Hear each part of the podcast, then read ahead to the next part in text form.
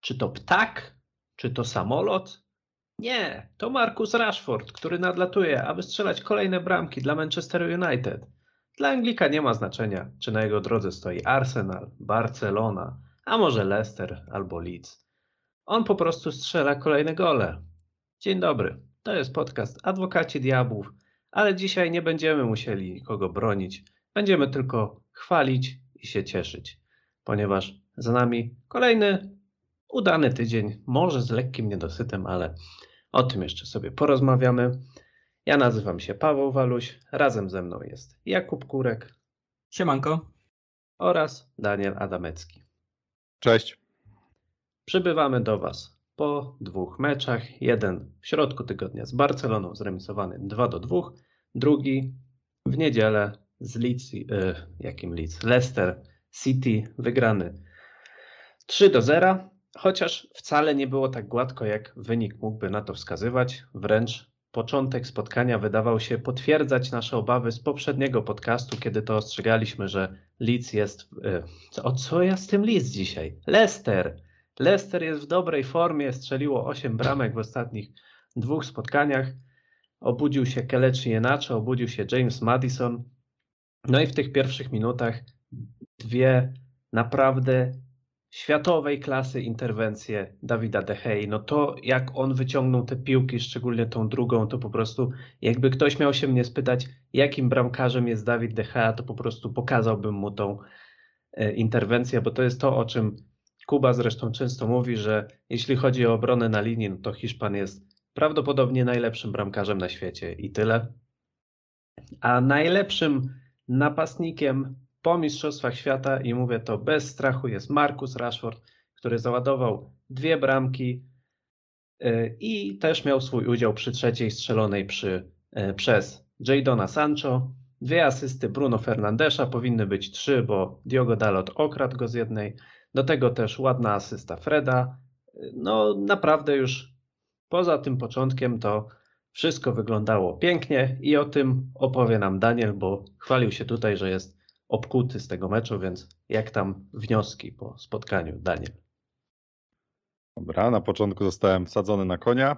Y, zacznę też y, od tego, co Paweł, jestem, czyli. Jestem y, Fredem, a ty jesteś Lindelofem i właśnie podałem ci piłkę. Dziękuję do Freda, też będę chciał na pewno potem przejść, ale to dopiero jak tam przejdziemy sobie do personaliów. Na początek Dawid De Gea, no trzeba powiedzieć to, wyrównał rekord Petera Schmeichela, 180 czyste konto e, w koszulce e, Czerwonych Diabłów. No a już przechodząc do meczu z Leicester, e, no to do momentu strzelenia gola graliśmy niestety tak jak to wygląda bez Casemiro. Oczywiście ten hak próbuje na różne sposoby tworzyć przewagę w środku pola, między innymi cofając Beckhorsta, chociaż no, wiadomo, z Barceloną zagrał również y, Casemiro i tam y, i tak widzieliśmy Weghorsta, ale tutaj raczej dzisiaj chodziło o to, y, żeby stworzyć trochę tej przewagi w środku pola, ale nas niestety dalej nie było płynności przechodząc z obrony do ataku, nie wspominając o ataku pozycyjnym, bo to zazwyczaj graliśmy z pominięciem środka pola, albo były to jakieś długie piłki od Dehei, zresztą całkiem ładnie dzisiaj Decha grał nogami, czy to też od Lisandro Martineza, były takie e, przerzuty.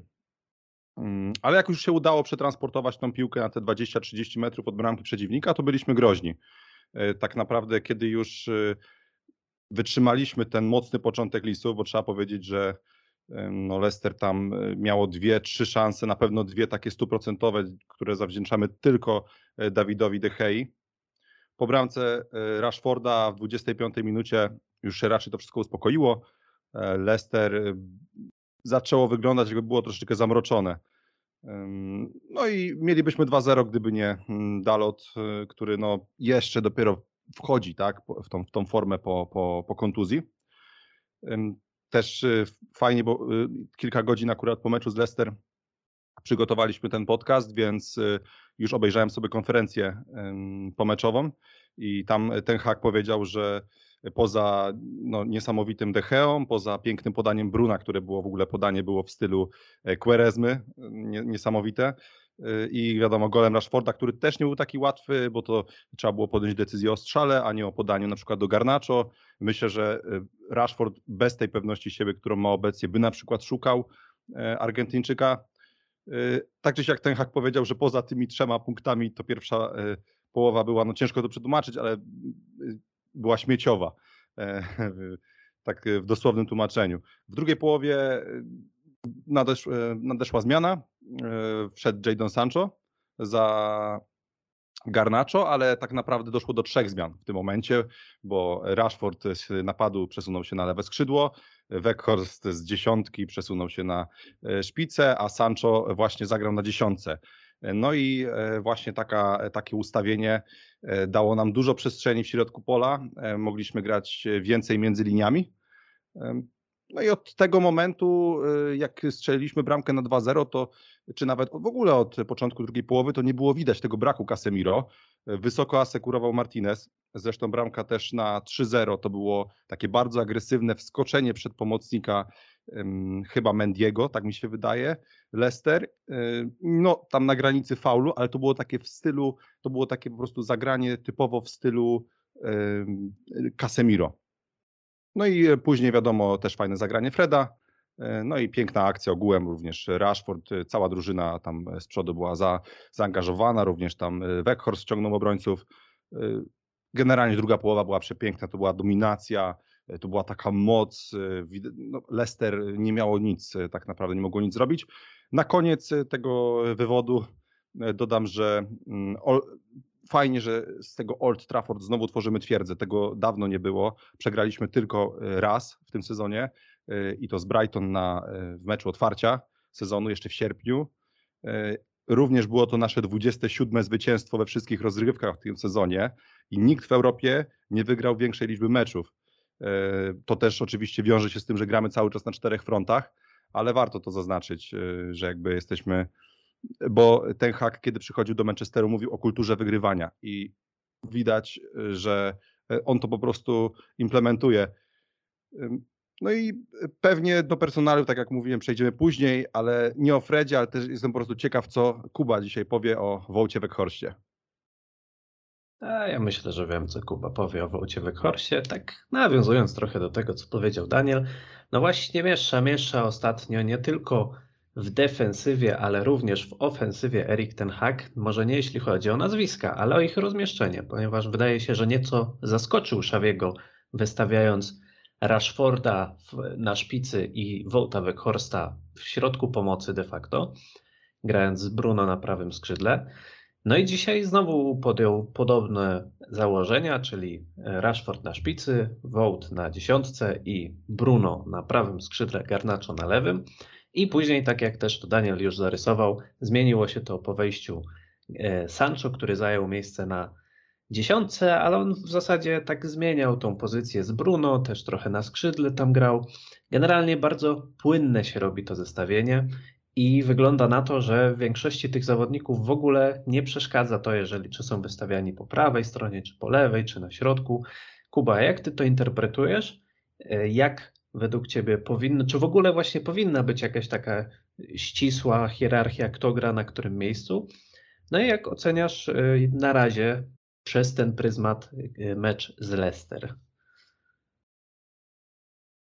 Tak, jeśli chodzi o nasz atak, no to nawiążę już do słów e, Daniela, czyli Wout Weghorst, który według mnie może grać na wszystkich pozycjach w tej ofensywie, oprócz na napadzie bo on w polu karnym jest kompletnie bezużyteczny. Poza nim klasa światowa. Ile on ma odbiorów, ile pressingów, e, ile przejęć, ile wygranych pojedynków w defensywie.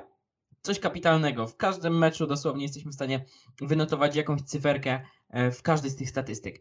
Ale jeśli chodzi o, o samo pole karne, to jest kompletnie bezużyteczny. Przegrywa główki, jeśli ma już sytuacje takie stuprocentowe i w meczu z Leicester, i w meczu z Barceloną, miał takie swoje, po jednej sytuacji takiej stuprocentowej, którą wypada napastnikowi strzelić. Którą jak marnuje Jadon Sancho, to już mamy do niego pretensje. A co dopiero napastnik Wout Weghorst.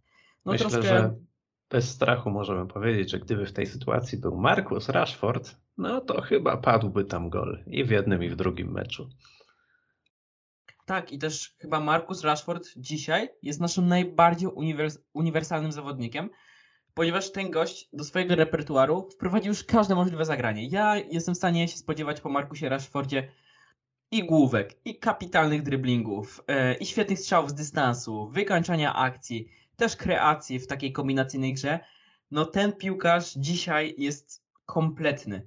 Jak w tamtym sezonie było tyle hejterów, którzy go krytykowali, tylu krytyków po prostu, nawet nie, może nie będę używał słowa hejt, bo zdecydowanie Marcus Rashford grając e, po tej swojej kontuzji, no wyglądał źle. To w tym sezonie to jest coś nieprawdopodobnego. 16 goli i 5 asyst po mundialu.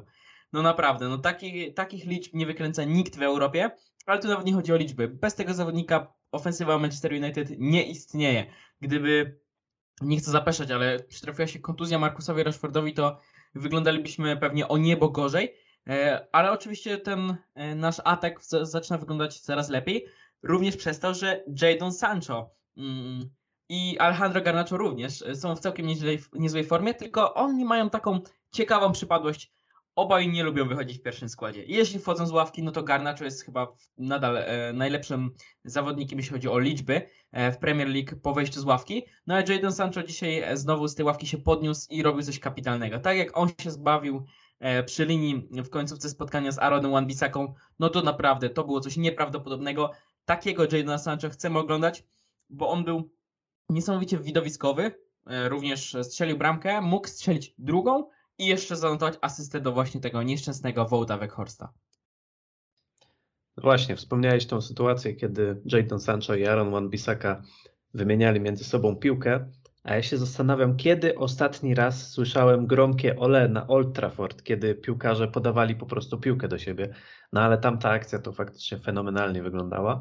No i tak jak mówisz, to jest dziwne, no bo Jadon Sancho po tym powrocie zagrał cztery mecze, dwa z ławki i dwa w podstawowym składzie.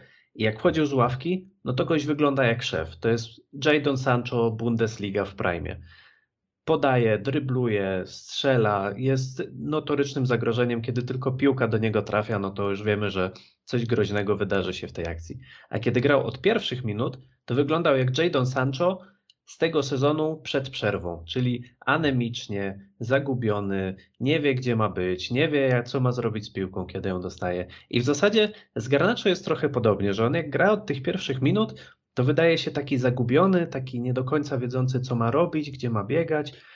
A kiedy wchodzi z ławki, no to po prostu od razu piłeczka na skrzydło, on mknie tym skrzydłem i jeszcze najczęściej w ogóle pokonuje bramkarza rywali, e, dając nam dużo radości tym. No, to jest jakiś ból głowy dla e, Erika Tenhaga, no bo coś musi z nimi zrobić. Ale przejdźmy do e, innej formacji, czyli do środka pola, no bo to był ostatni mecz zawieszenia Casemiro, więc wyszedł ten duet Fred Sabicer, który troszkę nam bólu głowy przysporzył, zwłaszcza w pierwszym meczu z Leeds. E, no i dzisiaj też były takie momenty, kiedy mogły się przypomnieć stare demony. No Fred klasycznie, ja się zaczynam zastanawiać, czy na niego po prostu ktoś klątwy nie rzucił, że on jak dostaje piłkę na swojej połowie przy linii obrony, to po prostu musi ją oddać rywalowi, bo inaczej, nie wiem, urwie mu nogę. No bo to jest niesamowite, jak on traci te piłki. A Sabicer, nie wiem, czy się ze mną zgodzicie, e, tutaj podpytam Ciebie, Daniel, bo mam dwa spostrzeżenia. Po pierwsze, mam wrażenie, że on powinien dołączyć do Casemiro jeśli chodzi o zawieszenie za czerwoną kartkę, ponieważ to jego wejście e, w kolano. Komu on tam Nie, e, jednemu z zawodników Leicester, ale. No Środkowemu no... obrońcy, bodajże Fes na nazwisko. O, Fesowi, właśnie. No to było paskudne zagranie i ja jestem zaskoczony, że VAR się temu nie przyjrzał, bo to naprawdę był materiał na czerwoną kartkę. Ale z drugiej strony to, co zaobserwowałem i na co zwracałem uwagę już wcześniej, że jak wszedł na boisko Scott McTominay, któremu już jest bliżej do Casemiro niż Fredowi i on tak troszkę bardziej ogarniał te tyły, to Sabicer wyglądał o wiele swobodniej. Mogło się też to wiązać z tym, że cały zespół wyglądał swobodniej w drugiej połowie, no bo jak oni już poczuli tę pewność przy pierwszej, znaczy przy drugiej i trzeciej bramce, to już te ataki po prostu tam leciały jak szalone. Ale Austriak mam wrażenie, że jak ma właśnie u boku kogoś, kto będzie bardziej tę e, czarną robotę odwalał, no to on od razu też lepiej się czuje w ofensywie z piłką przy nodze. Daniel, co ty sądzisz o Austriaku? Na początek no, pełna zgoda, czerwona kartka stuprocentowa. No, to było, nawet jeżeli to było niechcący, no to nie można. On w ogóle ja miałem wrażenie na powtórkach, że zrobił wręcz ruch y, do, do Fesa, ale może, mm, no dobra, mamy gigantyczne szczęście. Nie wiem, może przez to, że y, Casemiro dostał nie do końca słusznie tą czerwoną. Nie, to jest w ogóle chore, że my musimy w ogóle się tak zastanawiać. Dla mnie to jest y, czerwona kartka i naprawdę mamy gigantyczne szczęście. E, Jeśli chodzi o samego Zapicera i jego wpasowanie, to tutaj też się posłużę em, Erikiem Ten Hagiem, bo generalnie polecam e, z e, widzom sobie czasami odpalić e, właśnie konferencję e, Ten Haga, e, bo on mówi bardzo ciekawie. On, e, jeśli chodzi o mm, konferencje prasowe, to często po prostu tłumaczy, co się dzieje na boisku. No i on właśnie o Zabicerze powiedział, że on musi nauczyć się ruszać, musi inaczej, musi się ruszać, ale musi się też nauczyć timingu. Wiedzieć, kiedy wejść w kluczową pozycję, że jeszcze, że to wymaga jeszcze trochę czasu.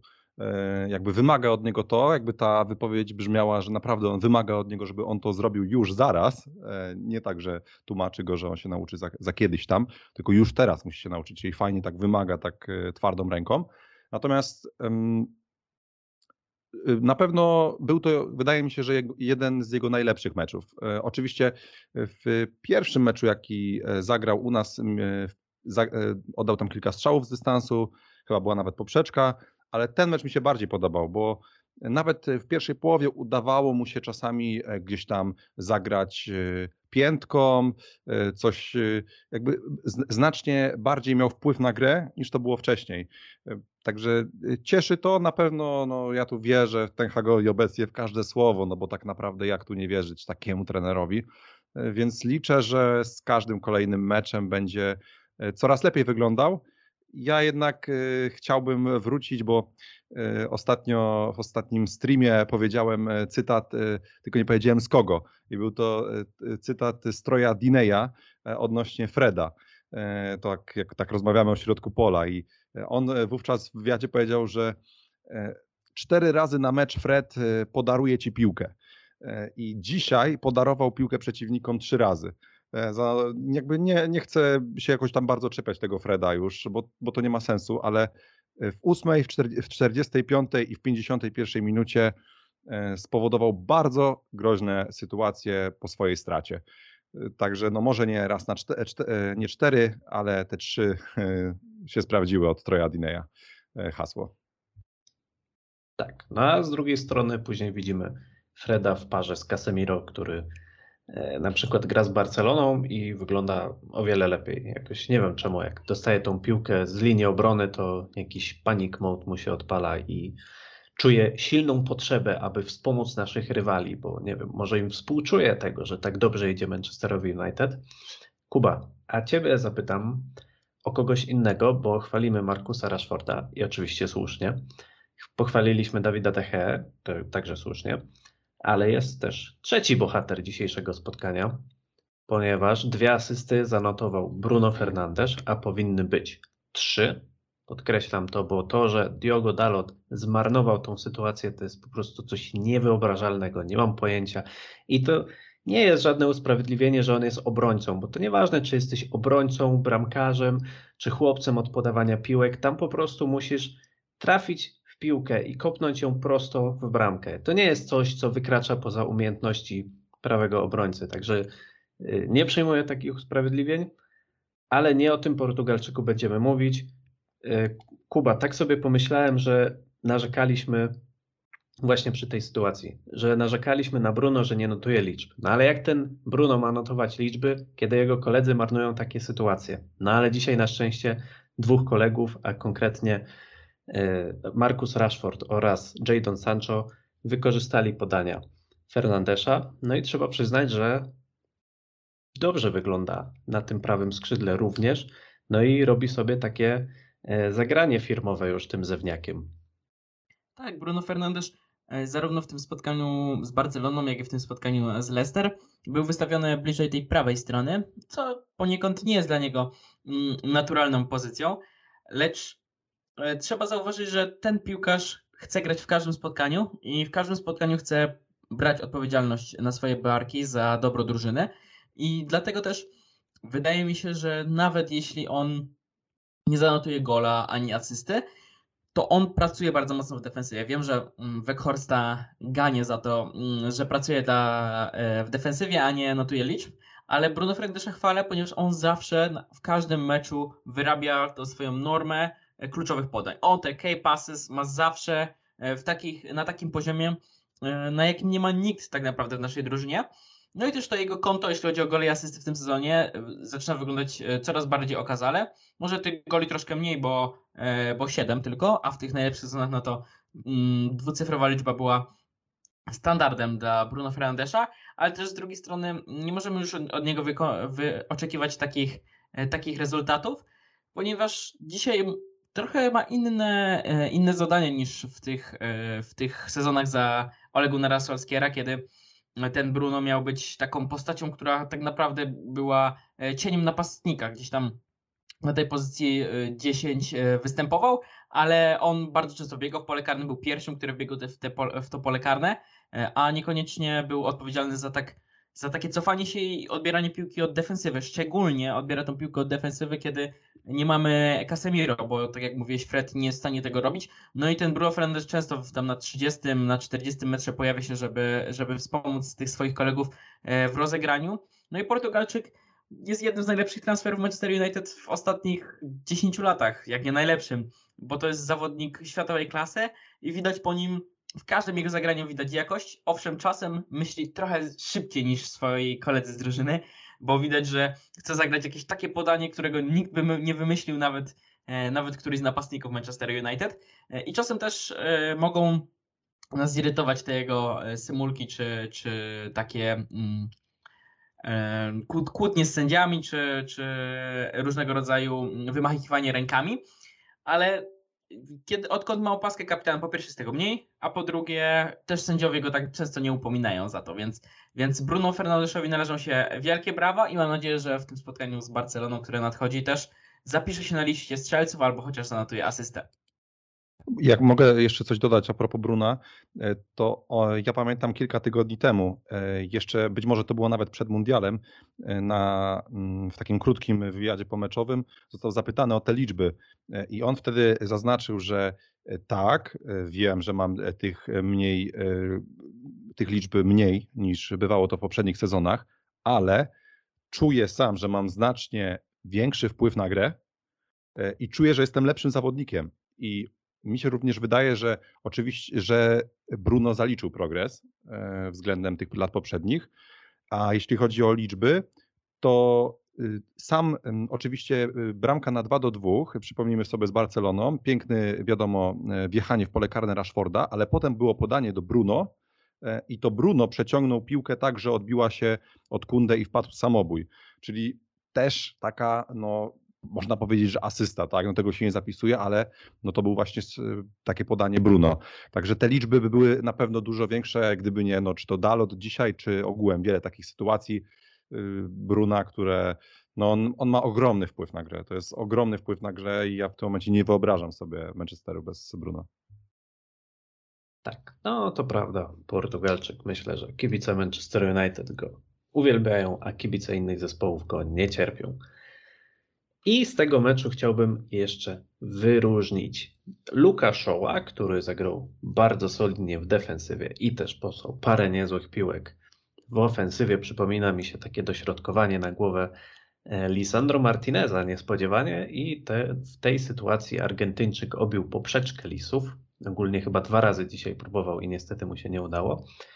I też wydaje mi się, że warto pochwalić Wiktora Lindelofa, który godnie zastąpił Rafaela Varana. Nie było widać tam żadnej nerwowości i nie odczuliśmy w zasadzie tego, że mistrz świata z Francji e, zasiadł tylko na ławce rezerwowych, odpoczywając po meczu z Barceloną. A tym stwierdzeniem płynnie przejdziemy już sobie do czwartkowego starcia zakończonego 2 do 2 na Camp Nou. I tutaj podpytam Ciebie, Kuba, bo Ty mówiłeś, że naoglądałeś się wszystkich materiałów dotyczących tego meczu. No nie wiem jak Ciebie, ale mnie piecze dupa po tym remisie, bo ja po prostu czuję, że Manchester United powinien wygrać, zasłużył na wygraną i gdyby o spotkaniu, o wyniku spotkania decydowała taktyka, no to Erik ten Hag wygrałby 3 do 1 z Szawim, bo moim zdaniem Holender pięknie wyprowadził w pole Hiszpana.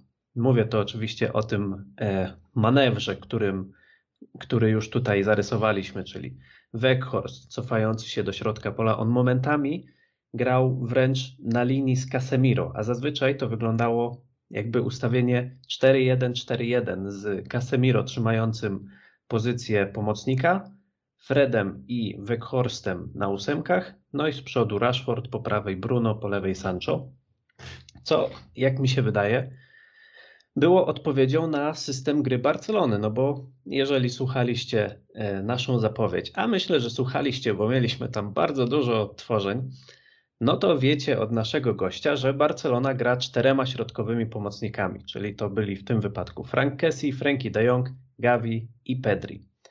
No i Erik ten Hag niejako odpowiedział na to, wystawiając też czwórkę ludzi w środku pola, no bo myślę, że Bruno też możemy w ten sposób zaliczyć, że e, pracował w środku pola i niejako próbując zneutralizować. W zasadzie to mu się udało, neutralizując to największe zagrożenie mm, ofensywne, czyli właśnie e, ten, ten środek pola kreujący grę. No i do tego Marcus Rashford. Jak weźmiemy pod uwagę, że Xavi pokombinował z linią defensywy, wystawiając Ronalda Araujo, czyli według kibiców Barcelony najlepszego obrońcę swojego zespołu, jak nie najlepszego obrońcę na świecie obecnie. E, a w środku Marcosa Alonso i e, kto grał obok Alonso? Jules Koundé, o, Jules Koundé, tak. E, no i w zasadzie ten Rashford nie pojedynkował się z Araujo i obie bramki strzelił z prawej strony, no za drugim razem co prawda oczywiście po rzucie rożnym i też w momencie, kiedy e, piłka odbiła się właśnie od wspomnianego Kunde, więc no ale generalnie wydaje mi się, że tutaj Erik ten Hag dobrze odrobił swoją pracę domową i e, wyprowadził Hiszpana w pole. Kuba, oddaję Ci głos, bo ja się już troszkę pozachwycałem tym, jak zostało to rozegrane.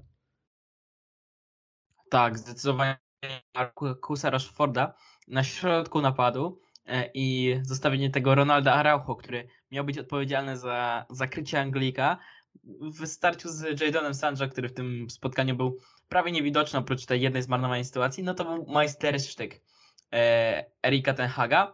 No i on zrobił coś takiego e, nietuzinkowego, ponieważ postawił tego Wołta Weghorsta niżej, o czym już wspomniałeś.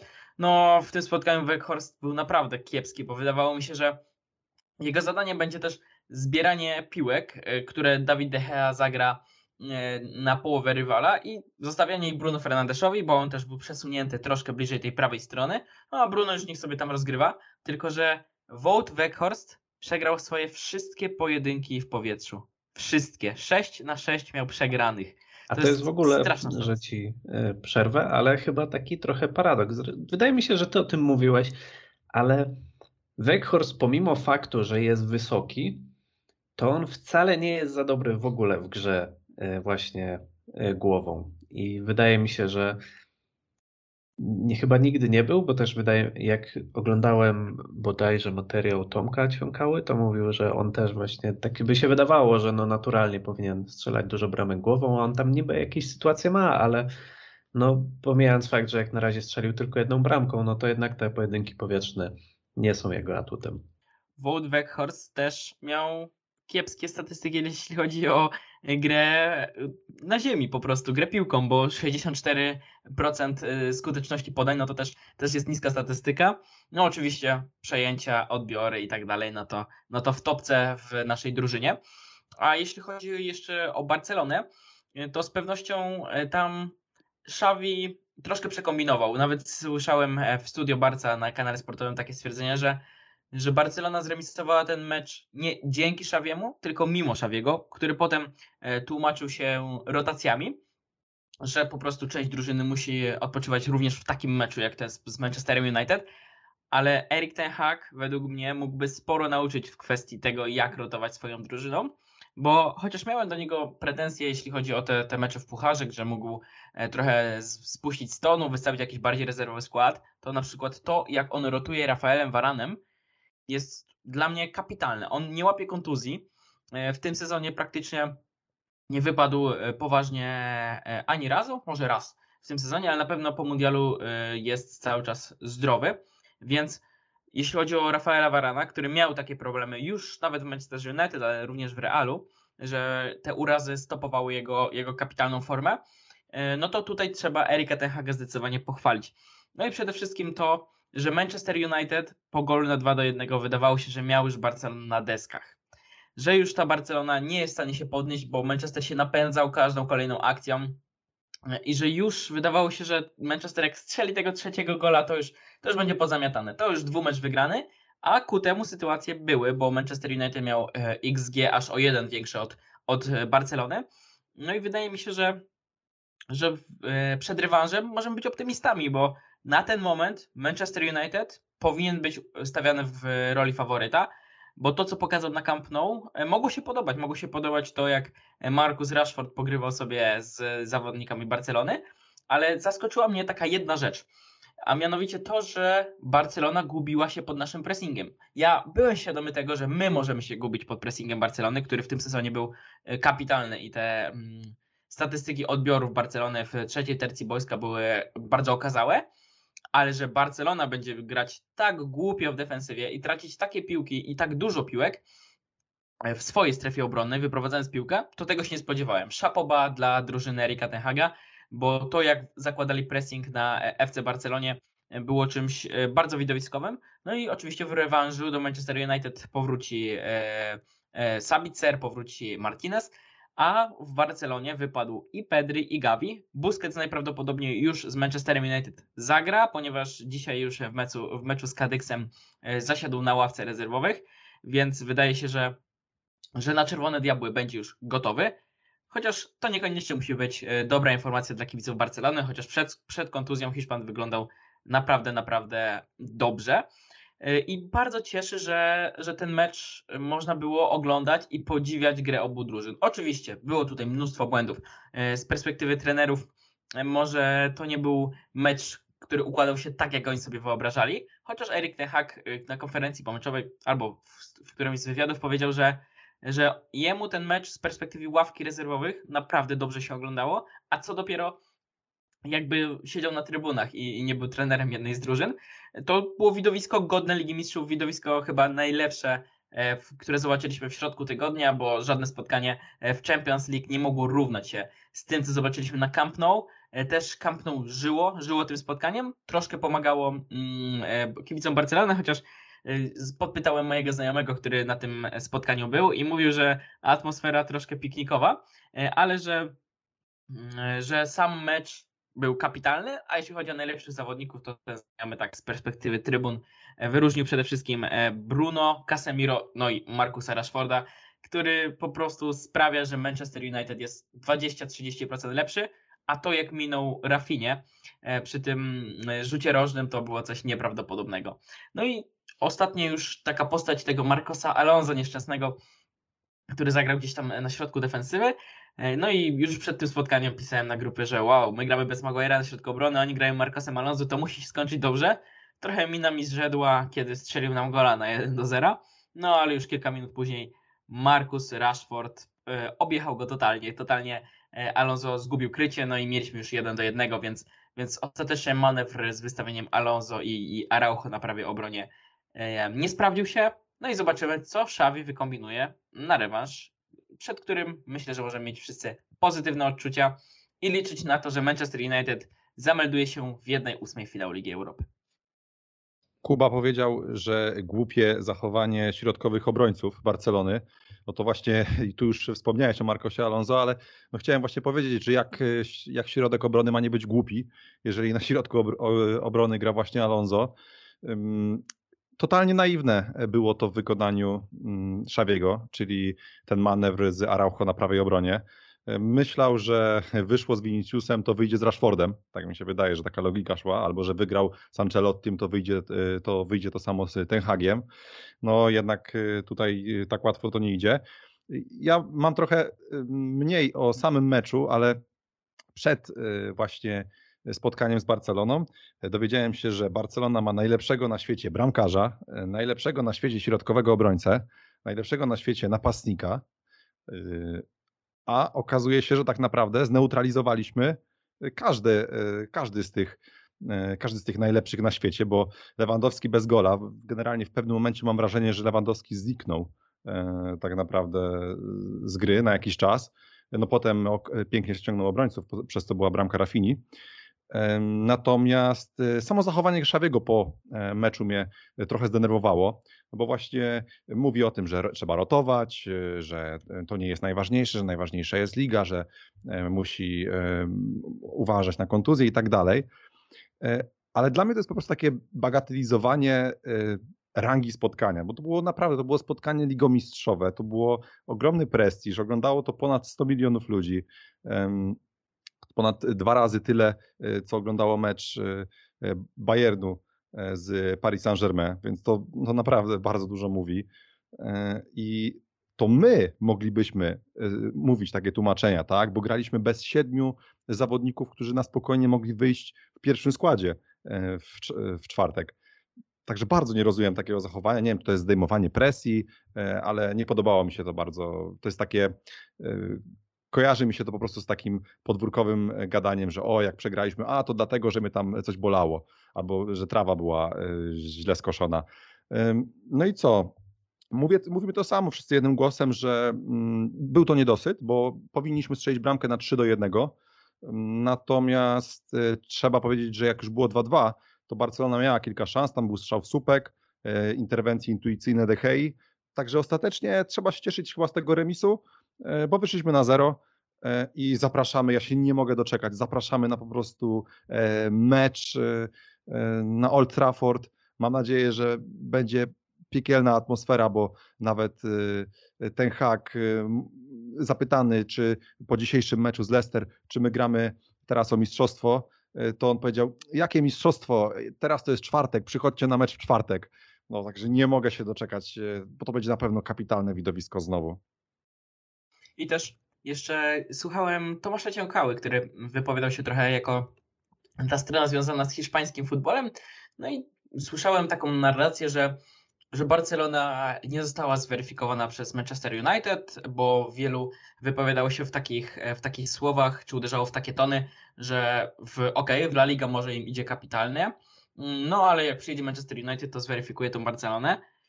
No ja miałem trochę inne podejście do tego spotkania, miałem bardziej nastawienie, że wow, przyjeżdża wielki, przyjeżdża, przyjeżdżamy do wielkiego lidera e, La Liga, który ma 8 punktów przewagi nad Realem, który stracił 7 goli w tym sezonie La Liga, który wygrywa tak naprawdę wszystko, ostatni raz przegrał w październiku i przyjeżdża Manchester United bez siedmiu piłkarzy. No i ja miałem takie wrażenie, że jednak tutaj y, Manchester United mógł zostać zweryfikowany, a nie Barcelona, która jest e, lider, liderem La Liga, a jednak ta pałeczka, jeśli chodzi o to spotkanie, była po stronie Manchester United, który troszkę zweryfikował tą Barcelonę, która traci tak mało goli, która e, wygrywa mecz za meczem, nawet jeśli przepycha te zwycięstwa, to, to jednak każde kolejne trzy punkty są dopisywane do tej e, tabeli La Liga. I mnie ta Barcelona najzwyczajniej na świecie zawiodła. Zawiodła, ponieważ ja naczytałem się mnóstwo opracowań na temat tego, jak kapitalnie gra Barcelona w tym sezonie. Owszem, grali bez Busquetsa i bez Dembele, ale to nie była drużyna, której ja się spodziewałem po, po wielkim liderze e, La Liga. Szczególnie, że my mieliśmy przede wszystkim w środku pomocy tak ogromne braki, a mimo to nie było tam widać aż tak dużej luki. Owszem, kiedy Manchester United szedł bardzo wysoko do pressingu, to duża dziura tworzyła się w środku pomocy, no ale tam był Casemiro. Casemiro, który zamykał wszystkie przestrzenie, e, które się tworzyły i Barcelona tak naprawdę ani razu nie wykorzystała tego, że, że ta pierwsza linia Manchester United była bardzo wysoko, bo wszystko, e, co trzeba było wyczyścić, to Casemiro czyścił i, i Barcelona taktycznie na pewno nie pokazała się aż tak dobrze, jak ja uważałem, że się pokaże. Znaczy ja bym tu tak też nie deprecjonował za bardzo, bo mimo wszystko pragnę przypomnieć, że mecz zakończył się remisem. Y, I były momenty, kiedy jednak Barca no, mocno naciskała, szczególnie w końcówce mi się kojarzy. No mi się wydaje, że Xavi tutaj zdecydowanie przekombinował, no i może się tłumaczyć oczywiście rotacjami. To jest problem, na który zresztą zwracał uwagę Michał Gajdek, że Barcelona ma krótką kołdrę i nie bardzo jest kim zastępować tych piłkarzy. No ale Erik ten Hag de facto może powiedzieć to samo. No przecież Holender od czterech spotkań de facto co mecz wystawia inną linię obrony, tak? No i czasem na środku obrony gra e, Show, czasem gra tam Maguire, czasem gra tam Lindelof, Waran e, co drugie spotkanie, Martinez w sumie też co drugie spotkanie, a teraz Martineza w ogóle nie było. No i tak samo z linią pomocy, no przecież tutaj wypada Eriksen, tu wypada Casemiro, tutaj musi grać Fred z Sabicerem, który dopiero co został wypożyczony, więc no rotować też trzeba umieć, tak? No i wychodzi na to, że Holender troszkę lepiej sobie z tym poradził, ale e, tak też mnie zastanawia, bo był jeden głos przed tym meczem, mianowicie, że siłą Barcelony jest jej defensywa. Oni tam stracili te bodajże ile? Siedem bramek w tym sezonie La Liga i mówili, że jak grają w zestawieniu Kunde, e, no, Araujo, e, Christensen i Balde na lewej stronie, no to to jest nie dość, że siła nie do przejścia, to jeszcze w ofensywie ten Balde naprawdę robi zamieszanie. I jeśli y, u nas się jakieś obawy sprawdziły, moim zdaniem, no to, że faktycznie ten Juan Bisaka mocno się gubił w niektórych momentach. Że jak tam ta Barcelona atakowała swoją lewą stroną, to Anglik trochę nie nadążał, trochę się gubił, trochę y, skryciem mu nie wychodziło. No i mam wrażenie, że gdyby Balde grał tam od samego początku i on by tam kręcił tym bisaką, to my byśmy go do dzisiaj wykręcali z hiszpańskiego boiska. A tymczasem grał tam Jordi Alba, który znowuż zanotował bardzo słaby występ. On co chwilę praktycznie oddawał piłkę. No, był de facto takim Fredem Barcelony, tak mi się skojarzyło, że on po prostu co dostawał piłkę, to w zasadzie oddawał ją rywalowi i, i to jego doświadczenie nie pomogła tutaj za bardzo. Ja też Ale... chciałbym się jeszcze na koniec e, tej analizy meczu z Barceloną pochwalić, bo jak wspomniałeś o tej defensywie, to ja tam e, dla fcbarca.com przygotowywałem e, takie odpowiedź na trzy pytania przed tym spotkaniem. No i jeśli kazano mi wymienić najmocniejszy punkt Manchester United, no to oczywiście wymieniłem Markusa Rashforda, co się sprawdziło, a jeśli chodzi o najsłabszy, to wymieniłem właśnie obronę z takim naciskiem na tą naszą prawą stronę, więc to też mi się sprawdziło, ale chciałem Was zapytać, czy myślicie, że na drugie spotkanie wyjdzie na prawej obronie Diogo Dalot, czy nadal zostanie przy Aaronie Wan-Bissace? Bo ja tutaj mam spore wątpliwości.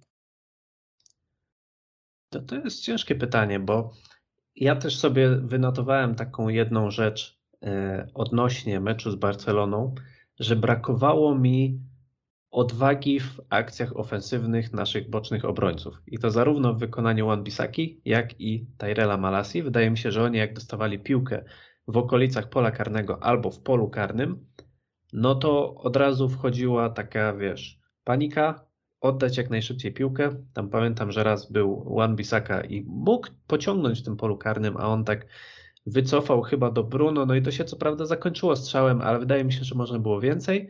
I była też sytuacja, kiedy długą piłkę dostał Malasia, który niespodziewanie znalazł się tak w centralnej części, niczym środkowy napastnik. I de facto właśnie jakby był środkowym napastnikiem, no to on by tą piłkę przyjął i popędził na bramkę. On próbował tam jakoś tak zgrywać klatką piersiową do Weghorsta zupełnie niepotrzebnie. No i wydaje mi się, że Diogo Dalot zapewnia więcej takiej ofensywnej fantazji, co pokazał zresztą w meczu z Leicester, chociaż nie wykorzystał tej e, akcji. No ale wiemy, że też nogę ma trochę lepiej ułożoną, że potrafi dośrodkować, przydryblować. Z drugiej strony, czy w defensywie jest lepszy? No, mi się przypomina od razu ten moment, kiedy właśnie tam główkował gracz Leicester i się wyciągnął jak kot Dawid De Gea. No i tam było takie piękne ujęcie, jak Diogo Dalot z jakiegoś powodu zaczął kryć Wiktora Lindelofa, a ta przestrzeń za jego plecami po prostu pozostawała zupełnie nienaruszona. Ja bym chyba wystawił Bisakę jednak. Mimo wszystko, mimo świadomości jego wad, to y, też trochę zasłużył na to swoimi występami po Mistrzostwach Świata. I też wydaje mi się, że nie brakuje zawodników, którzy będą stanowić zagrożenie w ofensywie, a będą potrzebni na pewno ludzie, którzy będą ogarniać w defensywie, nawet w tych pojedynkach jeden na jednego. Ja, jak dla mnie nie ma zbyt dużej różnicy w tym momencie, czy zagra Dalot, czy zagra Bisaka, bo wydaje mi się, że Bisaka trochę się rozwinął pod kątem tego ataku. Ja wiem, że on tam nie dostarcza za, za bardzo tych liczb, ale mam wrażenie, że on pod wodzą ten, ten Haga zrobił postępy. I w sytuacji, raz w meczu z Barceloną, no, głupio przepuścił piłkę i doszedł potem Jordi Alba e, do niej na skrzydło i próbował mijać potem Bisakę. Ostatecznie ślizgiem e, zabrał mu pięknie piłkę. Tam Alba potem długo leżał i próbował wymusić karnego. E, natomiast dzisiaj błąd właśnie ten przy strzale, to co Paweł powiedział przy główce i Kaanacho, czyli też zagubienie Dalota. Wydaje mi się, że ten hak dzisiaj chciał sprawdzić, czy Dalot się nadaje. I wydaje mi się, że w tym momencie to jest tak naprawdę rzut monetą. I jakby, że tak czy siak będą jakieś problemy z tyłu, nieważne kto będzie grał. Mm, ale Bisaka już zagrał ten pierwszy mecz, czyli powiedzmy już jakby jakieś tam przetarcie ma, więc osobiście postawiłbym na Anglika. No, z drugiej strony, to jak on tam sobie dzisiaj popykał piłką z Sancho, co zresztą też już wspominaliśmy, no to może, może faktycznie ten Bisaka nie jest aż tak tragiczny też w rozegraniu. A ja chciałem zapytać Was o inną rzecz, ponieważ wydaje mi się, że w meczu z Barceloną absolutnie z tragicznej strony pokazał się sędzia. I to w obie strony tak naprawdę się mylił. Dwie sytuacje, które mi przychodzą do głowy, no to ta z Rashfordem, o którą strasznie się zdenerwował Erik Ten Hag. I nie dziwię się, no bo to, że tam w ogóle faul nie był odgwizany, to, to jest trochę skandal. Czy tam powinna być czerwona kartka, czy no rzut karny nie, bo wiemy, że y, faulowany był przed polem karnym, ale czy czerwona kartka nie, no ale to powinien być przynajmniej faul. I jeszcze później tam Casemiro dostaje żółtą kartkę, a z drugiej strony przypomina mi się jak E, Weghorst na ten zaatakował nogę bodajże Pedriego i to tak też nieładnie chyba mu tam w łydkę wjechał. No żółta kartka to było minimum i też zero reakcji. I miałem takie wrażenie, że bodajże włoski arbiter, jeśli się nie mylę, no jakby zupełnie nie panował nad tym spotkaniem i, i co chwilę podejmował jakieś takie y, dziwne i po prostu złe decyzje. Tak, ja słuchałem na kanale Piłkarzyki analizy tych wszystkich e, sytuacji, no i e, tam jasno i wyraźnie e, jeden z chłopaków, który jest zresztą sędzią, powiedział na temat tego starcia Arona Wan-Bissaki z Jordim Albą, że to jest rzut karny, więc według mnie, Daniel przed chwilą mówił, że próbował wymusić rzut karny, według mnie tam też rzut karny by się Barcelonie należał.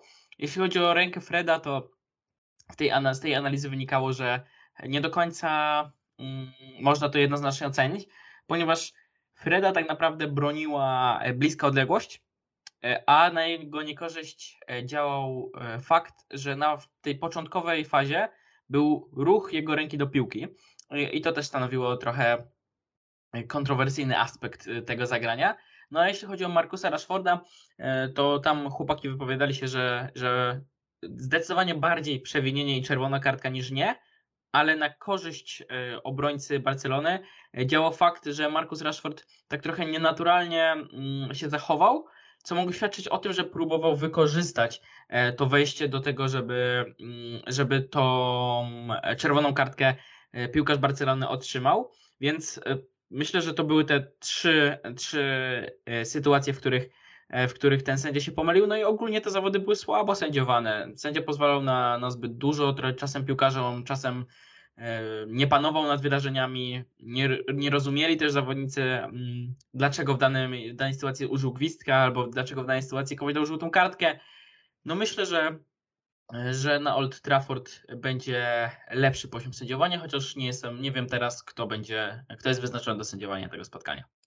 Wydaje mi się, że UEFA popełniła błąd, bo do meczu, który jest meczem Ligi Mistrzów, tylko że no wiadomo pod szablonem Ligi Europy, y, dali sędziego, który jest sędzią Ligi Europy. Jakby na, na, na takim poziomie. Tak mi się wydaje, że jakby um, nie, nie przemyśleli, że może warto byłoby dać po prostu sędziego takiego z najwyższej półki, tylko gdzieś i, i po prostu ten sędzia nie wytrzymał ciśnienia. Dobra, to jeszcze o jeden temacik was. e, Chociaż nie, w sumie to nie będę was pytał, po prostu sam powiem od siebie, że e, Rafael Varan zagrał jak szef w tym meczu i nawet miałem takie przemyślenie, że właśnie jak rozmawialiśmy z e, Michałem, to mówił, że bardziej się oprawia Casemiro, a tutaj po prostu Varan tak pięknie kasował akcję Barcelony i tam grał z wyprzedzeniem. I wydaje mi się, że to on jest takim głównym elementem, który sprawił, że w tym meczu nie błysnął Robert Lewandowski. Podobał mi się Francuz. No i na pewno na burę zasłużył Casemiro, bo wydaje mi się, że to zachowanie przy drugiej bramce, no nie rozumiem, co tam się wydarzyło. Tak ładnie grali sobie, wychodzili spod pressingu z Lukiem Showem i tak naprawdę wystarczyło podać y, piłkę do Luka Showa i ta akcja by poszła dalej. Po cholerę on tak zagrywał i no niesamowite. No to było zagranie a la Fred. Naprawdę, no nie może Brazylijczyk takich błędów popełniać jeszcze w takim meczu, kiedy chcemy go chwalić, chcemy się cieszyć, że dobrze gra, więc y, no, no nie, nie, nie, nie, nie. Bardzo, bardzo mi się to. Byłem tak, taki byłem zły po prostu, że naprawdę. y, A, szkoda gadać. Y, Ale no w zasadzie dużo o tym powiedzieliśmy, też już trochę mm, omówiliśmy de facto, jak będzie drugi mecz wyglądał, ale chciałbym jeszcze od Was usłyszeć takie, e, taką opinię, czego się spodziewacie, jak myślicie, że to będzie wyglądać, e, jak zagra Xavi, jak zagra Erik ten Hag, czy Hiszpan znowu będzie tutaj jakąś mityczną rotację stosował i, i czy jednak wystawi po prostu wszystkie armaty na rewanż. Czego się spodziewacie, Daniel? No, bardzo trudne pytanie, e, tak naprawdę zadałeś. E, czyli znowu wsadziłeś mnie na konia. E, wydaje mi się, że mecz będzie wyglądał bardzo podobnie, że, bo spotkałem się z wieloma opiniami o tym meczu, że on wcale nie był taki ładny ze względu na chaos w środku pola, bo było jakby takie zderzenie właśnie w tym środku pola. Mi natomiast się podobało, bo było efektowne było spektakularne, tak jak to zapowiadał e, Xavi przed meczem. E, I wydaje mi się, że będzie bardzo podobnie. Wydaje mi się, że wydaje mi się, że będzie bardzo podobnie, ale że będziemy grać jeszcze lepiej. Wydaje mi się, że po prostu my bardziej chcemy e, tej Ligi Europy, bardziej chcemy udowodnić. To też świadczyło o tych wypowiedziach choćby Rashforda po meczu, czyli że, czyli, że czuję się jakbym przegrał. I to chyba jest e, najbardziej pokazuje. To znaczy Barcelona mówi, że no tak, musimy rotować, bo to liga, to coś tam gramy co trzy dni, a my mówimy, kurczę, remis, ale czujemy się jakbyśmy przegrali. I to chyba jest e, no, jakby naj, najlepiej e, takie zestawienie. Czyli wydaje mi się, że będzie bardzo podobnie, ale że to my będziemy prowadzić więcej tej piłki. E, Po prostu, o ile było tam chyba 57 do 43 posiadanie piłki dla Barcelony, to wydaje mi się, że może być na odwrót, że, że to my będziemy przeważać po- pod względem posiadania i kreować jeszcze więcej sytuacji. Jeśli chodzi o kreację, no to na pewno przyda się to, że wróci do gry Savicer, bo to jest też taki piłkarz, który może sprawić, że my przy tej piłce będziemy się utrzymywać dłużej. E, No i jeśli będziemy się utrzymywać w taki sposób, jak w końcówce mecz z Leicester, no to, no to ja będę w niebo wzięty, bo, bo to jak Manchester United z łatwością był w stanie przenosić ciężar gry z prawej do lewej, z powrotem na lewą, przy czym wykonywać mnóstwo efektywnych, efektywnych i efektownych zagrań, e, jak reagował na to stadion, no to, no to takie spotkanie będzie się długo pamiętać na Old Trafford. Ja jednak myślę, że to może być nieco bardziej zamknięte spotkanie, że, że trochę te emocje związane z tym pierwszym meczem zostaną wyhamowane e, i obie drużyny mogą zagrać troszkę bardziej e, z myślą o swojej defensywie, a niekoniecznie o ofensywie. I że ta gra zostanie nieco bardziej uporządkowana, bo pewnie obaj trenerzy będą do tego dążyć, żeby to kontrola nad meczem była, była większa. No i ja przede wszystkim e, przed tym spotkaniem obawiam się znacznie mniej e, niż przed pierwszym.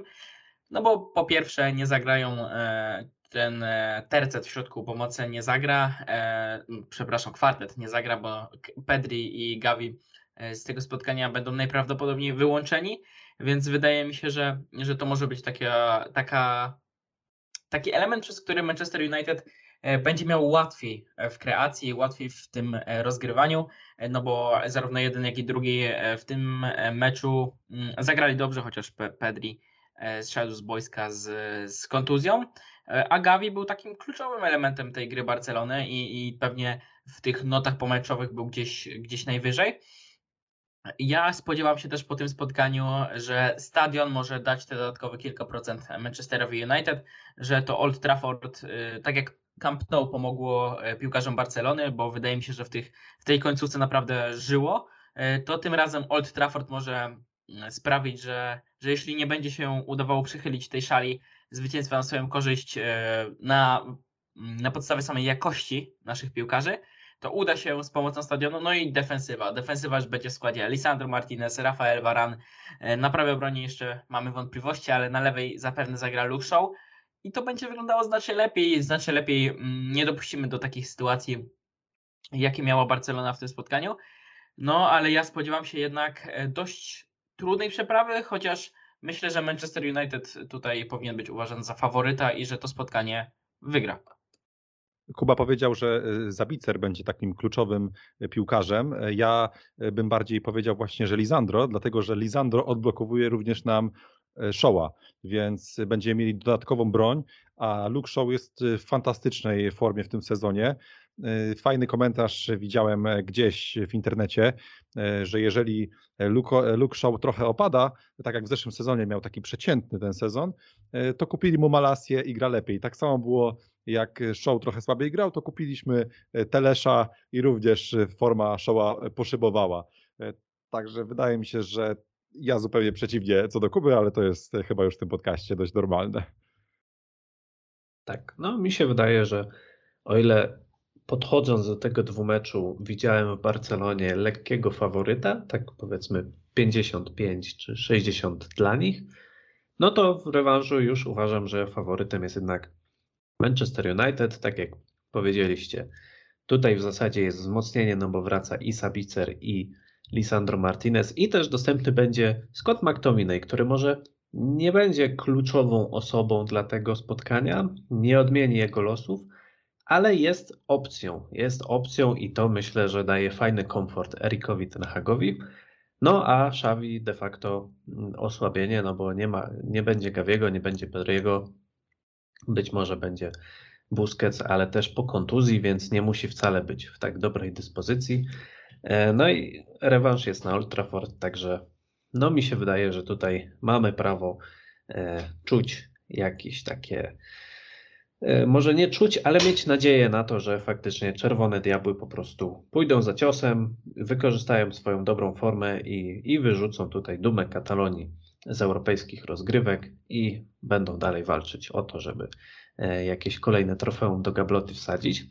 A propos trofeów, a propos gablot i a propos e, wsadzania trofeów do gablot, no to przejdziemy sobie do następnego meczu, który odbędzie się w niedzielę i będzie to finał, finał rozgrywek Carabao Cup, finał Pucharu Ligi Angielskiej czyli rozgrywek, które może nie cieszą się e, największym poważaniem wśród kibiców, które wielokrotnie deprecjonujemy, ale jak to fajnie powiedział Bruno Fernandes, e, to jest puchar deprecjonowany przez tych, którzy go nie wygrywają, a jak już się pojawia E, wizja możliwości zdobycia go, no to jakoś tak od razu człowiekowi zaczyna zależeć. No i zresztą wielokrotnie już sygnalizowaliśmy, że zwycięstwo w tych rozgrywkach byłoby fajnym podsumowaniem tego pierwszego półrocza Erika Tenhaga. No i pozyskaliśmy już pierwszą ważną wiadomość, mianowicie wiemy, że z tego finału przez swoją głupotę wyautował się Nick Pope, czyli pierwszy bramkarz e, Newcastle United. Nie zagra również Martin Dubrawka, ponieważ w tym sezonie reprezentował już barwy Manchester United w tych rozgrywkach i najprawdopodobniej bramkarzem Srok będzie Loris Karius, więc myślę, że jest to e, no, ogromne zwiększenie szans Czerwonych Diabłów e, przed tym starciem. No, jeżeli weźmiemy pod uwagę to, w jakiej formie jest Marcus Rashford i jaką historię ma Loris Karius, a wiemy, że jest to gracz, który nie za bardzo dobrze sobie radzi z presją dużych spotkań, no to myślę, że tutaj e, pewne okoliczności działają na korzyść Manchester United. No i też warto dodać, że Newcastle złapało zadyszkę i to taką, no może nie jest to jakiś wielki kryzys, ale ostatnie trzy mecze w lidze, no to e, cztery mecze w lidze to trzy remisy i jedna porażka. No i też nie są to remisy z jakimiś wielkimi firmami, ponieważ było to 0-0 z Crystal Palace, 1-1 z West Hamem i 1-1 z Bournemouth, czyli właściwie dwa zespoły, które e, walczą o utrzymanie. No i do tego teraz porażka z Liverpoolem 2 2, czerwona kartka dla Nika Pope'a, chociaż co ciekawe, podobno ja tego meczu nie widziałem, ale podobno e, podopieczni Ediego Hoła wyglądali lepiej grając w dziesiątkę niż kiedy byli w 11 na boisku. Tak więc oddaję wam boi e, boisko. Boiska wam nie oddam, ale mogę wam oddać głos. Kuba, zacznijmy od ciebie. Jak widzisz ten finał? Ależ to się zapowiada. Loris Karius, przez wszystkich deprecjonowany, że nie umie grać w ważnych meczów, że od dwóch lat, bo tak naprawdę od lutego 2021 roku e, nie zagrał w oficjalnym spotkaniu i nagle przyjedzie Manchester United i go zatrzyma. Takich głosów było e, całkiem sporo na naszej stronie, żebyśmy się nie cieszyli z tego, że zagra Loris Karius, no bo przecież e, ile razy to byliśmy świadkami takich sytuacji, kiedy przyjeżdżali jacyś bramkarze na Old Trafford i stawali się bohaterami, kiedy Manchester United tworzył kariery wręcz jakichś bramkarzy, którzy w jakichś niewyobrażalnych okolicznościach ratowali swoje drużyny. No, oczywiście tam jest jeszcze ten czwarty bramkarz, który chyba ma trzy występy e, w barwach Newcastle, e, Mark Gillespie. Mam nadzieję, że to dobrze czytam. Jeśli nie, to przepraszam wszystkich fanów Newcastle, ale niestety nie śledzę czwartego bramkarza e, Srok. No i Carabao Cup, oczywiście ja też wielokrotnie deprecjonowałem to spotkanie, ale zawsze miło coś wsadzić do gabloty, szczególnie, że przypominam ostatnie trofeum, jakie wylądowało e, w gablocie Manchester United, no to oczywiście Liga Europy jeszcze za Jose Mourinho, więc trochę się naczekaliśmy na te trofea, e, szczególnie, że jesteśmy teraz w takiej fazie sezonu, która zadecyduje o tym, o co będziemy walczyć na koniec albo co zdobędziemy. No bo możemy odpaść z Barceloną, jeśli jeszcze to nie jest tak bardzo nieprawdopodobne, że, że to się stanie. No i możemy odpaść e, z Ligi Europy. Mamy też spotkanie finału Pucharu Ligi. Jeśli w to trofeum przegramy, no to kolejny front się zamyka. I wciąż pozostaje nam Liga, e, w której w tym momencie tracimy do Manchesteru City trzy punkty. Trzy punkty. Nie powiedzieliśmy jeszcze o tym dzisiaj, choć aż dziwne, że, że nikt z nas o tym nie wspomniał, że Drugi Manchester City ma 52 oczka, a my mamy 49. Oczywiście Arsenal mm, ma ich 54 i tam e, mecz mniej, więc, więc do kanonierów jeszcze ta strata jest e, troszkę większa, chociaż Arsenal też łapie zadyszkę. No a jak już mówimy o Newcastle, no to są w bardzo słabym momencie tego sezonu, bo ostatnie trzy spotkania to e, tylko dwa punkty, a w ostatnich czterech spotkaniach dostali aż dwie czerwone kartki, więc, e, więc też e, tam jeśli chodzi o, e, o tę dyscyplinę w drużynie nie jest najlepiej, bo wtedy w spotkaniu Southampton to był półfinał e, Pucharu Ligi Angielskiej, dostał Bruno Guimaraes też, obejrzał Asakier. E, no i chciałbym, żebyśmy to spotkanie wygrali i troszkę mam taki niedosyt, że ten finał jest teraz, bo gdyby nie ten dwumecz z Barceloną, to pewnie tym finałem byśmy bardziej żyli, byśmy bardziej go rozkładali na czynniki pierwsze, może zrobili też więcej materiałów na jego temat, ale to jest taki moment sezonu, który dla kibiców Manchester United może być i bardzo szczęśliwy, i bardzo smutny, bo tutaj można wygrać wszystko i przegrać wszystko.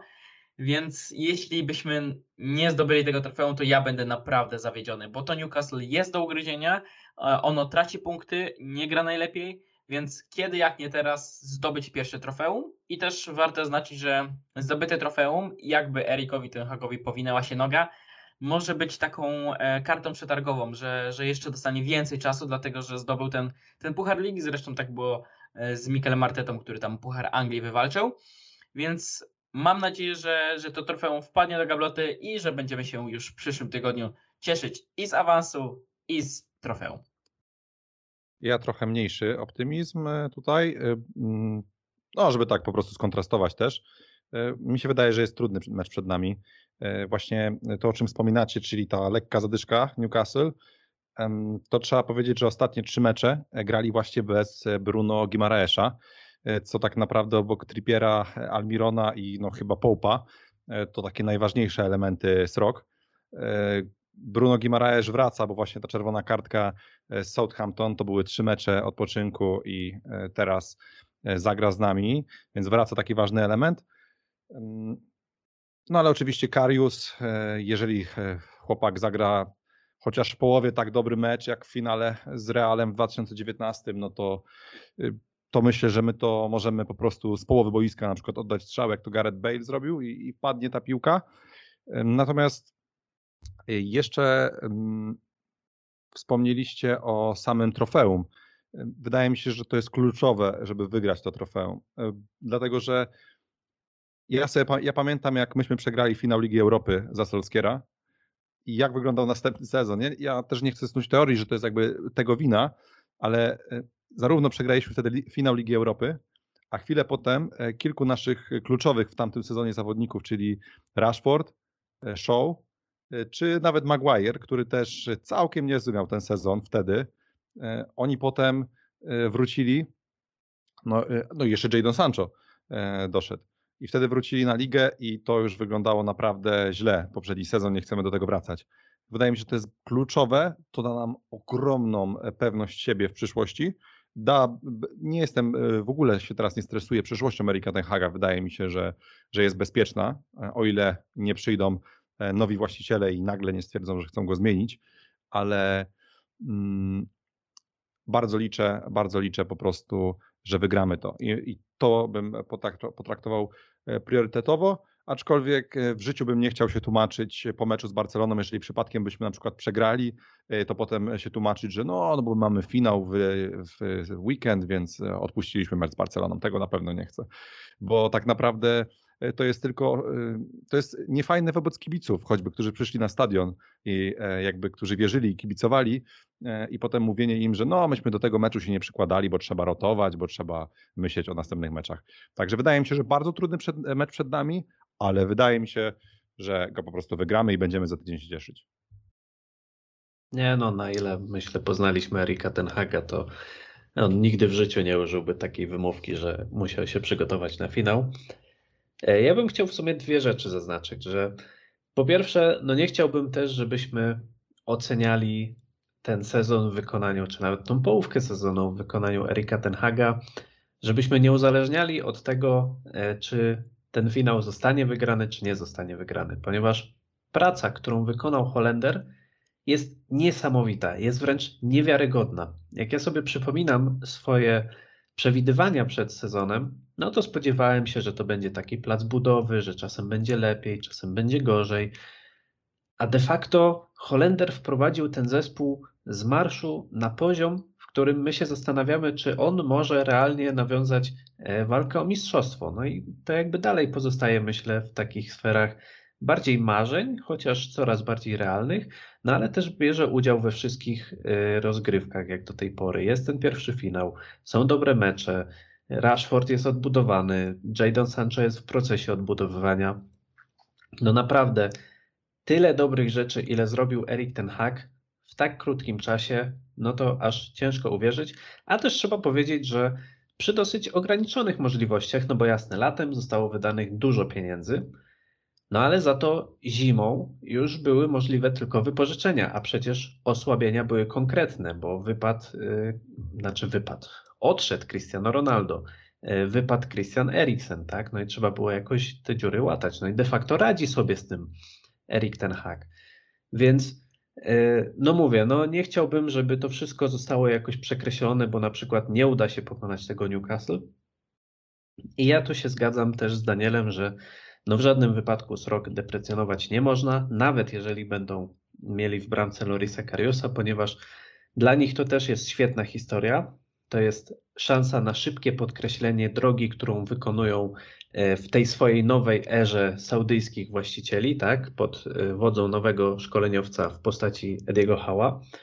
No i myślę, że nawet pomimo e, słabszych występów ostatnio, a może właśnie też dzięki nim, zmobilizują się jeszcze bardziej i po prostu będą walczyć do, wiecie, do ostatniej sekundy, żeby tutaj pokazać, że mogą pokonać wielki Manchester United. Także no również nie spodziewam się łatwego spotkania, aczkolwiek oczywiście uważam, że No, Manchester może wygrać i jak najbardziej powinien, i tutaj w zasadzie wystarczy tylko e, zacytować Erika Tenhaga, który za każdym razem podkreśla, że Manchester United musi walczyć o zwycięstwo w każdym meczu i w każdym pucharze, i jestem przekonany, że tutaj e, również właśnie w ten sposób będzie to wyglądać. Także no co, trzymamy kciuki i będziemy liczyć na to, że w przyszłym e, tygodniu spotkamy się po prostu w wybornych humorach i będziemy świętować pierwsze trofeum Erika Tenhaga. A jak będzie, czas pokaże. E, czy coś jeszcze odnośnie SROK albo finału Carabao Cup chcielibyście poruszyć? No tylko tyle, że za tydzień mogą być albo nastroje hura optymistyczne, bo możemy wygrać z Barceloną, zameldować się przez to w e, tam kolejnej rundzie Ligi Europy, możemy zdobyć pierwsze trofeum od 2017 roku, albo możemy odpaść z Ligi Europy i przegrać w Carabao Cup, czyli jakby może się stać bardzo dużo jakby takich skrajnych, no oczywiście, że nie będziemy mówić, że jeżeli przegramy te dwa mecze najbliższe, jeżeli je przegramy, to, to w ogóle ten sezon jest beznadziejny, ale zobaczcie, co nadchodzi. Barcelona, finał z Newcastle, a potem mecz z Liverpoolem. Szalenie, szalenie e, trudny terminarz. Jak to się uda wszystko wygrać, to, to Erik ten Hag y, to już nawet to już nawet nie jest y, Heisenberg, to jest jakiś w ogóle kosmita trenerski. No i no, popłaczę się chyba. Być A może jakbyście mieli na wizji. zdecydować, odpaść z Barceloną i wygrać Puchar Ligi, czy przegrać Puchar Ligi, a wygrać z Barceloną? Jaka decyzja? Wygrać oba mecze. Ja bym wolał, trofeum. E, Nie wiem, no bo w zasadzie w, o, w przypadku obu tych pucharów mówimy o takim turnieju drugiej kategorii. E, Nie wiem, no to jest taki trochę be, bez sensu wybór, szczerze mówiąc. W sensie no nie, nie podejmuje się takich decyzji w ogóle, więc nie, nie bardzo widzę sensu odpowiadania na to pytanie, jeśli mam być szczery. E, Chyba zakończymy sobie ten temat w ten sposób i przejdziemy do spraw właścicielskich, ale w zasadzie nie wiem, czy będziemy o nich dużo mówić, ponieważ poruszaliśmy już ten temat w zeszłym podcaście i w zasadzie zmieniło się to, że wiemy już, że oficjalne oferty złożyli Sir Jim Ratcliffe ze swoją firmą Ineos oraz Yassim bin Hamad Al Thani, czyli katarski inwestor. No i poznaliśmy mniej więcej ich plany. No i szczególnie nęcąca jest tutaj oczywiście ta katarska opcja, która mówi o kultywowaniu wielkich tradycji Manchester United, spłaceniu wszystkich długów, wspieraniu szkoleniowca i w ogóle obsypywaniu wszystkich złotem i oblewaniu ich czekoladą, żeby się cieszyli. E, Tymczasem, z tego co wiem, to Sir Jim Ratcliffe chyba nie ma w planie wykupić wszystkich akcji e, i też no nie będzie robił tego wykupu e, lawerowego, czy jak to się tam nazywa, w każdym razie tego manewru, który wykonali Glazerowie przejmując klub, czyli e, obciążania klubu długiem wynikłym z jego zakupu. No i tu w zasadzie pytanie do Was, czy macie jakieś e, dodatkowe przemyślenia teraz, czy, czy na przykład ta opcja katarska wydaje Wam się ciekawsza, czy, czy jednak dalej na przykład Sir Jim Ratcliffe, czy w ogóle wolicie, żeby Glazerowie zostali? Kuba, masz jakieś dodatkowe przemyślenia? Tak, masz rację, że e, Sir Jim Ratcliffe e, chciałby wykupić tylko 69% udziału w Manchester United, no a Katarczycy wiadomo chcieliby mieć e, cały klub na własność i ja mam takie spostrzeżenie bardzo ciekawe, z, nie wiem z czego wynikła ta przemiana, ani co do tego doprowadziło, ale ja pamiętam jeszcze jak, nie wiem, może w 2014, 15, 16 roku, to nie było przecież tak dawno, 7 lat temu, wszyscy krytykowali takie drużyny jak Manchester City, Chelsea, PSG, że mają tam petrodolary czy, czy inne środki finansowe pozyskane e, od rosyjskich e, inwestorów, którzy nie do końca byli zgodnie z wartościami, jakie klub wyznaje, a dzisiaj przy przejęciu Manchester United wydaje mi się, że że wielu kibiców, przynajmniej u nas na stronie, chociaż widziałem też ankiety, w których było trochę inaczej, szczególnie te ankiety prowadzone w angielskich mediach, jest za tym, że tak, bierzmy Katarczyków, czemu nie, spłacam wszystkie długi będziemy mieli wiele pieniędzy.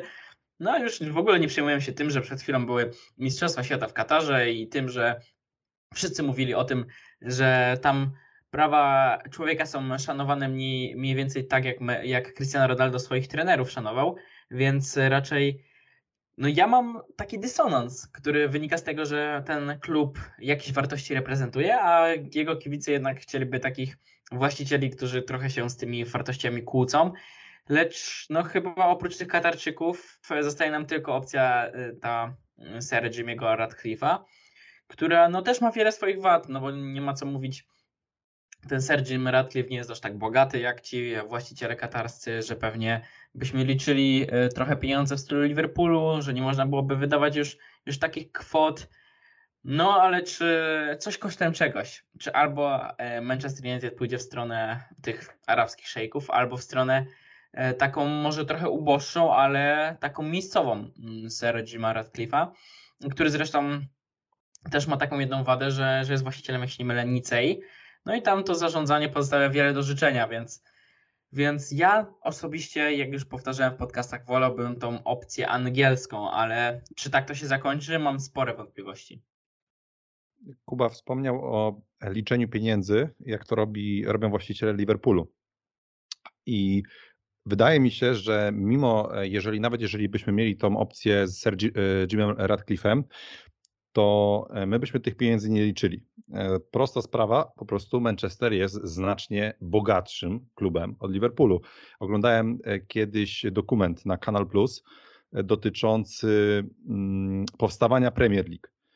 I właśnie to dzięki temu, że Manchester świetnie wszedł w tą nową erę, tą erę no, taką komercyjną bardzo. Jako pierwsi zaczęliśmy sprzedawać e, mnóstwo gadżetów i tak dalej i dobrze współpracowaliśmy z telewizjami, które wtedy płaciły gigantyczne pieniądze i dzięki temu e, tak odjechaliśmy, Oczywiście również dzięki Sir Alexowi Fergusonowi, ale tak odjechaliśmy finansowo. Przez wiele lat myśmy, myśmy na przykład potrafili wyciągać zawodników z bezpośrednich rywali. Takie były czasy i Liverpool przez to tak naprawdę na 30 lat się wyłączył, e, no, nie, nie wygrywał mistrzostw. Więc wydaje mi się, że te pieniądze, nieważne która opcja będzie, e, to one będą. Tutaj kibice mają e, głównie chęć zremontowania stadionu, E, i, i po prostu boją się kibice, że e, ten właśnie Radcliffe nie będzie chciał tego robić, bo nie będzie kasy. Myśląc, że e, przyjdą Katarczycy i wysypią wszystko, ale na przykład ja, ja też nie chcę się o tym powtarzać, bo ja tydzień temu to mówiłem na podcaście, ale warto powiedzieć, że na przykład, jeżeli by powstała nowa trybuna albo zbudowalibyśmy w ogóle nowy stadion, to mam pytanie do widzów od razu, E, czy jeżeli byłaby nowa trybuna i byłaby super ładna i by się fajnie piwo nalewało do kufla, tak jak się to nalewa to, e, na stadionie Tottenhamu, to mam pytanie, czy jeżeli trybuna zmieniłaby nazwę Sir Alex Ferguson e, na Qatar Investments na przykład, to czy też była ta trybuna by taka fajna? Ja powiem wam, że tydzień temu miałem takie bardzo, bardzo taką silną odpowiedź, że absolutnie nie Katar.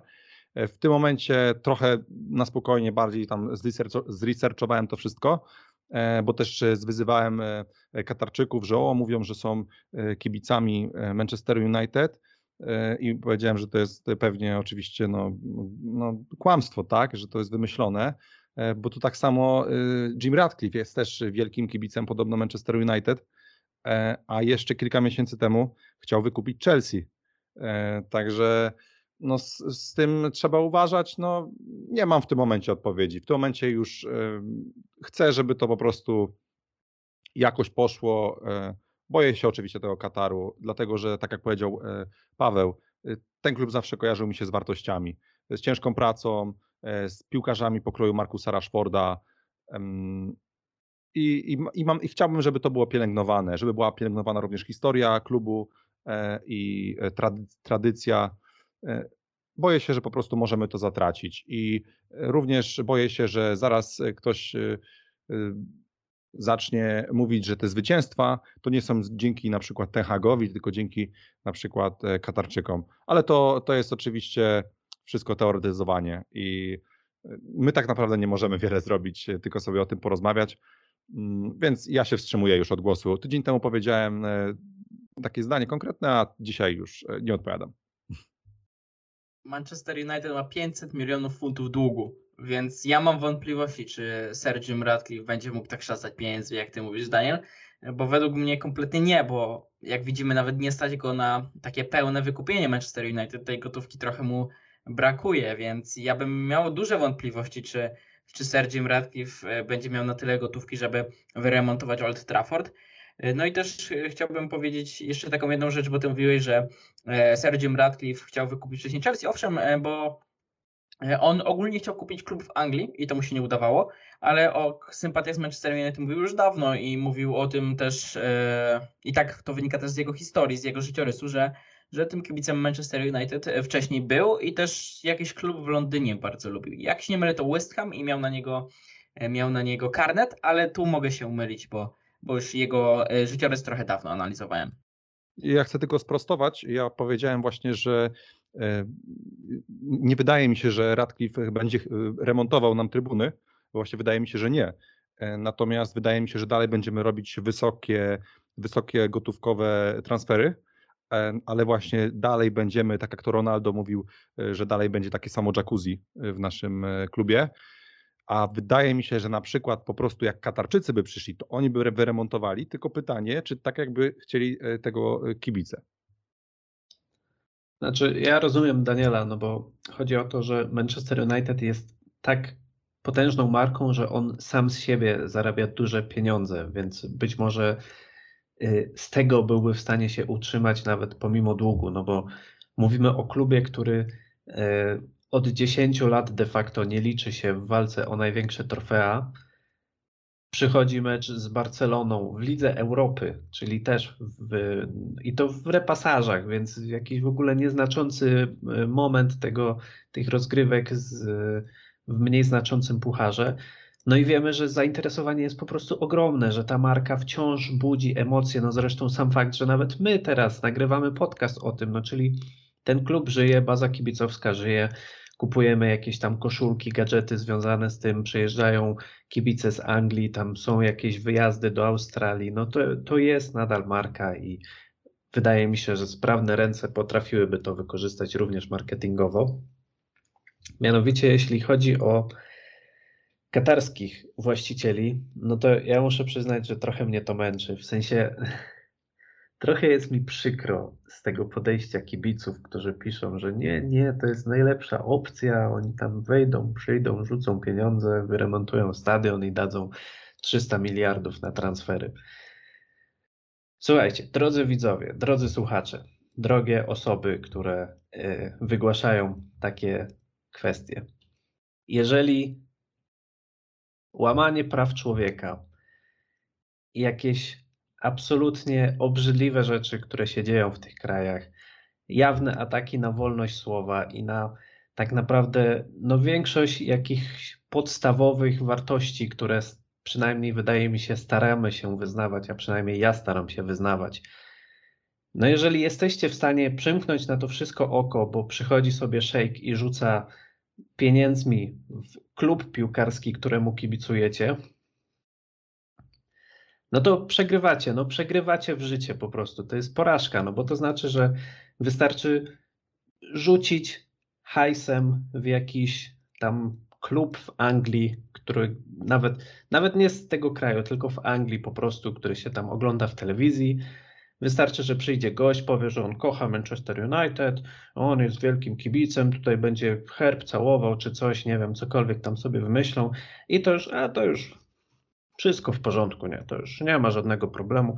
Tam, że tam jacyś ginęli robotnicy przy budowie stadionów, które teraz są niepotrzebne w Katarze, bo przecież kto poważny gra w piłce w, Kata w Katarze gra w piłkę, więc no no nie, no nie, nie będzie mojej zgody na to. No i tak jak już mówił Daniel, e, śmialiśmy się z PSG, śmialiśmy się, czy śmialiśmy się, szydziliśmy mówiliśmy, że to jest obrzydliwe, że są tworzone takie kluby właśnie jak Manchester City czy Paris Saint-Germain, czy nawet przecież Red Bull, e, Red Bull Lipsk ma problem w Niemczech, jest bardzo mocno krytykowany za to, że to jest taki twór komercyjny, ale jeżeli przyjdą do naszego klubu i będą tam dawać pieniądze, to, to nie, to już jest wszystko w porządku, bo oni wyremontują stadion i kupią Neymara za 300 milionów.